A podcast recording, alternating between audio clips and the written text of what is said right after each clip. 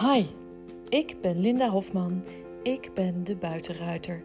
Ik ben trainer, coach, instructeur en bovenal eeuwige student. Ik leer iedere dag van mijn paarden en in deze podcast neem ik je mee in mijn leven met mijn paarden.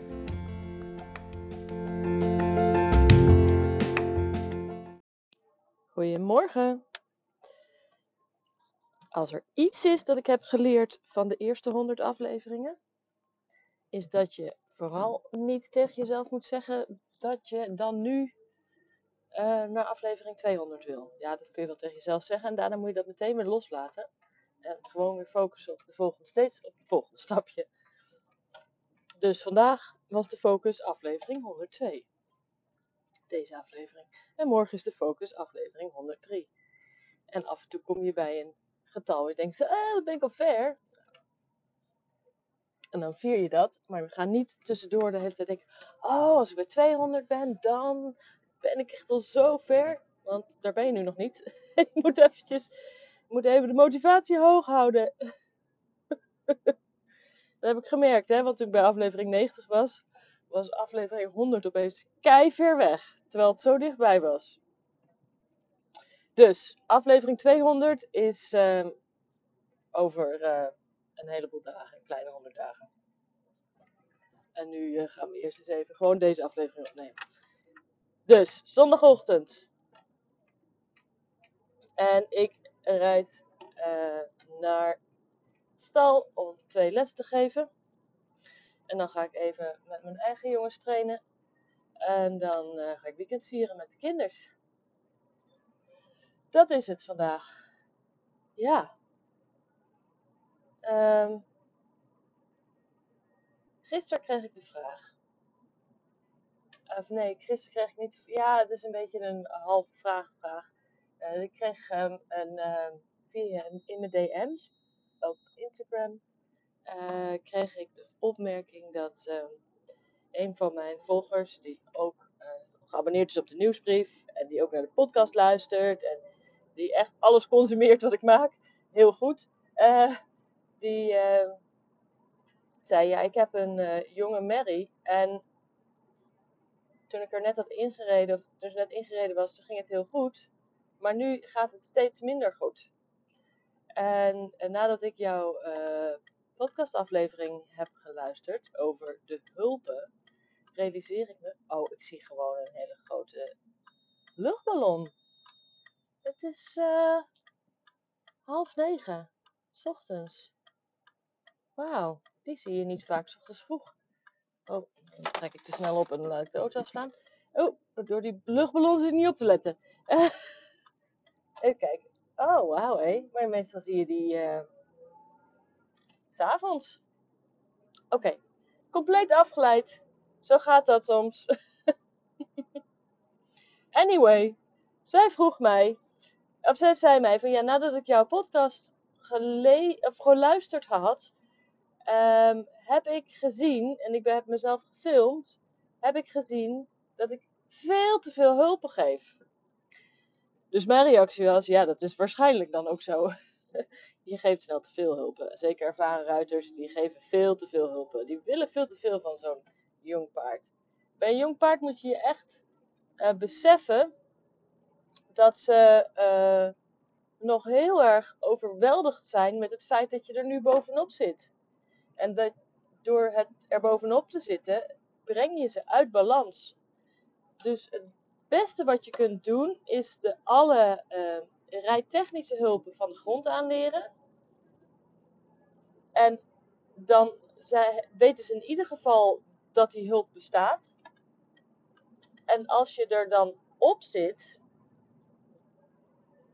bij jonge paarden is voorwaarts nummer 1 en uh, zit dan vooral niet ook aan de teugels. Laat lekker lange teugel, laat ze maar lekker met hun hoofd ook een beetje hun eigen balans vinden. Ze kunnen, hebben nog niet de spierkracht en uh, de power om uh, echt um, verzameld te lopen. Dus geef ze vooral een lange teugel.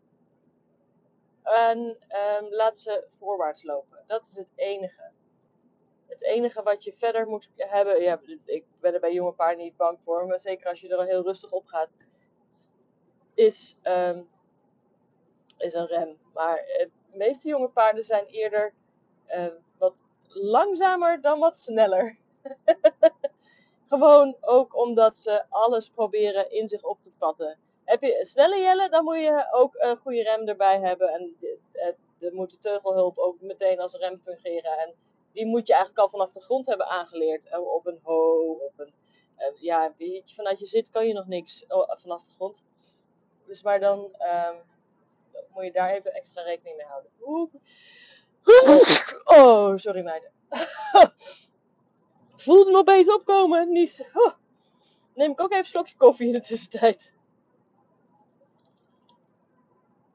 Niks geen perfectie bij mij. Dat zie je maar weer. Ik uh, had gisteren een nieuwsbrief gestuurd. Even snel, snel. Want eigenlijk stuur ik die altijd op vrijdag. Maar op vrijdag was ik zo moe. Dat ik dacht, nou, uh, nu, nu nog een nieuwsbrief schrijven, dan gaan we niet meer worden. Dus had ik hem gisterochtend geschreven. Maar ik moest eerst Marieke helpen met haar um, uh, huiswerk voor school. Want ze moest een filmpje kijken over hoe ze SketchUp moest doen. En er ging iets mis. En uh, de, op de video zag je iets wat zij niet zag. Dus ik moest haar helpen om dat tevoorschijn te toveren. En toen ik dat eenmaal had, ging het eigenlijk vrij vanzelf. Maar ja. Um, Anyway, dus nadat ik haar geholpen had, toen uh, dacht ik, nou, dan heb ik nog een half uurtje en schrijf nu even die nieuwsbrief. En dat was natuurlijk, dat was gewoon één grote ratel voor mij geweest. Want um, ik kreeg van Sabine een uh, berichtje terug, Linda, je moet echt wat meer interpunctie gebruiken, want dit, dit zijn wel hele lange zinnen. Dus één alinea is één zin. ik keek hem terug en denk, ja, ze heeft helemaal gelijk. Maar dat is ook, uh, ben ik ook.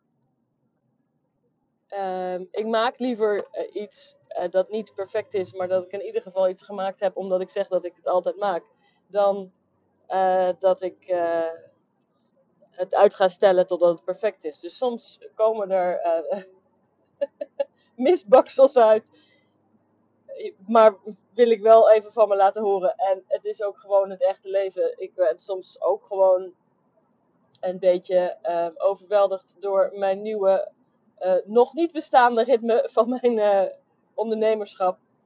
En ik moet daar ook nog een beetje um, in zoeken van uh, wanneer kan ik de tijd voor mezelf pakken en wanneer ehm, moet ik dingen voor mijn bedrijf doen en hoe moet de planning worden enzovoort. Dus ik ben nog een beetje in die structuur aan het zoeken. En ik merk dat ik daar zelf onrustig van word. Want ik hou heel erg van een structuur en een stramien. En ja, dat is dat analytische brein voor mij. Dat, dat houdt van ritme en regelmaat.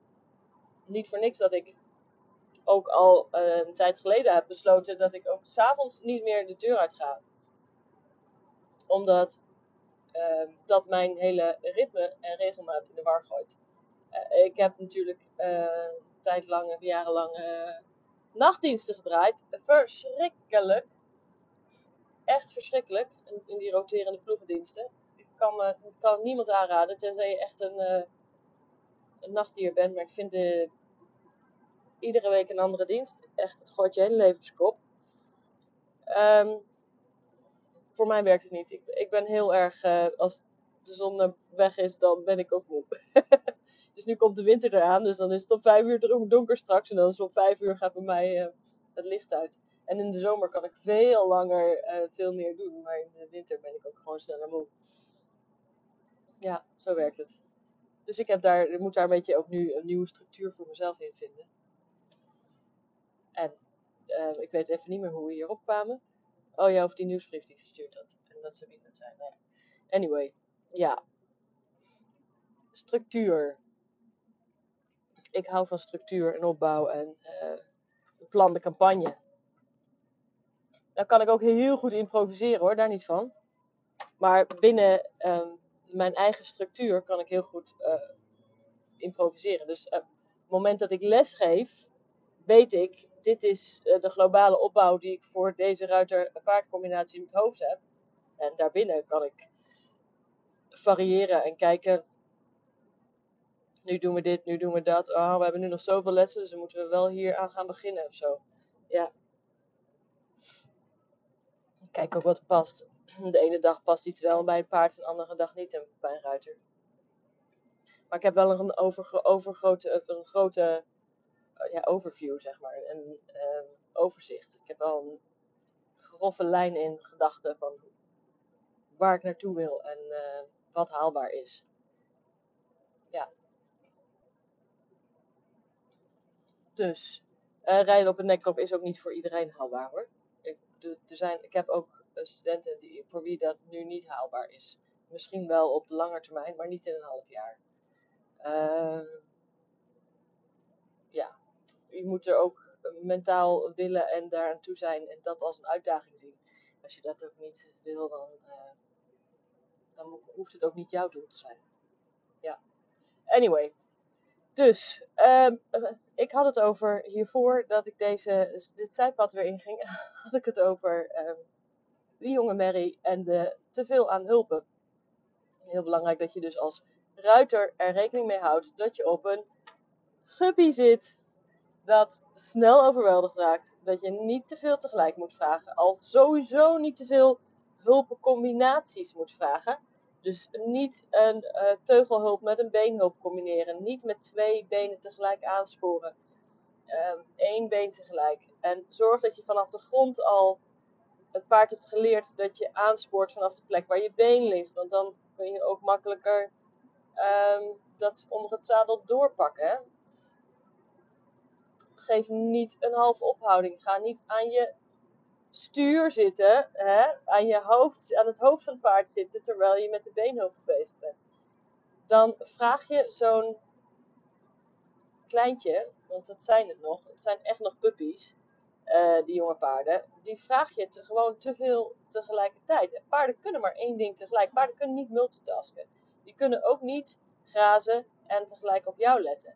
Dus langzaam maar zeker ga je opbouwen naar, uh, als één hulp helemaal duidelijk begrijpen, dan ga je de volgende hulp introduceren. En dan langzaam kun je hulpen gaan combineren. Maar dat is wel een proces van een paar maanden. Dat is niet een proces van, hé, hey, uh, hier ben ik en nu gaan we eens even uh, mooi in de krul verzameld lopen en uh, hopsakee. En nee. Plus dat je paard dan meteen leert dat je als er druk op de teugel is en jij aan het aansporen bent, dat ze dus door die teugeldruk heen moeten lopen. Dus dat is heel belangrijk dat je dat niet aan een guppy uh, leert. Hè? Die jonge paarden leren ook snel de verkeerde dingen. Dus wees heel duidelijk, heel consequent met je eigen hulpen, maar introduceer één hulp per keer. En begin met één, en dus één beenhulp. Dus of het binnenbeen of het buitenbeen. Ja, ik zou het buitenbeen niet introduceren. Ik zou het binnenbeen introduceren. Ik zou daarmee beginnen. Want uh, dat is de voorwaartse hulp. En je wil dat jonge paarden voorwaarts blijven. Je wil dat ze absoluut niet de achteruit ingaan op het moment dat jij erop gaat zitten. Want dan heb je niets meer te vertellen. Dus uh, een jong paard moet leren dat als jij erop zit, dat voorwaarts prio nummer 1 is. En we gaan pas later die achterwaarts introduceren, uh, maar dit zeker niet in het begin. Want echt waar, een jong paard dat de in de ankers gaat omdat je erop gaat en meteen in de achteruit gaat en omhoog komt, want dat is wat er dan vervolgens gebeurt, ja, dat is gewoon link. Dat is gewoon link. Dus en die hebben ook die, die achterhand is nog helemaal niet sterk genoeg, dus dan kunnen ze ook nog achterover klappen. Nee, nee, nee. Niet doen. Voorwaarts is prio nummer 1 bij jonge paarden. En gaat hij dan draven? Lekker, lekker belangrijk. Je wilde voorwaarts, dat is prio nummer 1. Laat maar lopen. Gewoon meebewegen. Gewoon meebewegen. Niks aan de handje.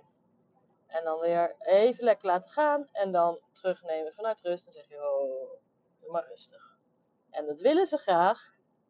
Want jonge paarden zijn liever lui dan moe. Die hebben nog helemaal niet die stamina. Die, die, die, de, dat uithoudingsvermogen. Dat is Dus um, als, je, als ze gaan draven, lekker laten draven en teugels loslaten. En pas op het moment dat je het idee hebt van, oh kijk, nu begint hij moe te worden, ho, ho. En dan vraag je met de teugelhulp, ho, en dan zijn ze zo terug. En dan heb je ze iets goeds geleerd. Namelijk dat ze voorwaarts kunnen, dat ze voorwaarts blijven, dat ze ook kunnen versnellen. En dat ze ook weer terugkomen als je daar vraagt. Dus dat is heel belangrijk. Stapje voor stapje. Eh, daar die hulpen introduceren. En vooral niet aan de teugels zitten als je de beenhulp geeft. En, dan zeg je, ja, maar ik moet met teugels toch contact hebben met de mond. Nee, nee dat hoeft helemaal niet. Lange teugels bij jonge paarden. Lange teugels niet aan de mond zitten. Niet aan het hoofd zitten. Ze hebben dat hoofd ook echt nodig um, voor de, om hun eigen. Ik zit aan mijn haar, sorry jongens, als jullie allemaal gekraak horen. Um, ze, hebben die, ze hebben hun hoofd heel erg nodig om hun balans te vinden. Als jij in de mond contact met de mond hebt, maak je ze eigenlijk al. Uh, uh, ja, desensibiliseer je ze eigenlijk op de teugelhulp. Dus blijf uit die mond. En dat is een van de redenen waarom in de uh, academische rijkunst ze met een uh, kaptoom werken. En ze dus eigenlijk met een neus op de neusriem um, in eerste instantie werken. En pas bij het echte hogeschoolwerk op de teugel, op het bit gaan. Omdat als je dat heel jong al te veel doet, al te veel vraagt op, op die mond, uh, dat je ze desensibiliseert. Plus daar op de neusriem, bovenop de neus heb je natuurlijk ook een andere positie. Maar uh, het is heel belangrijk dat je zo min mogelijk contact hebt met de mond. En het liefste wil je eigenlijk dat je paard ook nog inhoudt op het moment dat je de teugels op maat maakt. Dus dat je nog niet eens, um, maar dat je ze alleen maar korter maakt, zonder dat je al contact hebt met de, met, met de mond. Dus je, je tilt de teugels op en daardoor voelt hij al dat er minder boog in de teugel zit en daar moet hij eigenlijk al op inhouden. Dus dat. Um, ik ben bijna bij de paarden, dus ik ga lekker uh, uh, lesgeven en uh, deze podcast online zetten. En ik spreek jullie morgen weer. Doeg! Moet ik wel uitzetten natuurlijk. Even kijken, hier is die.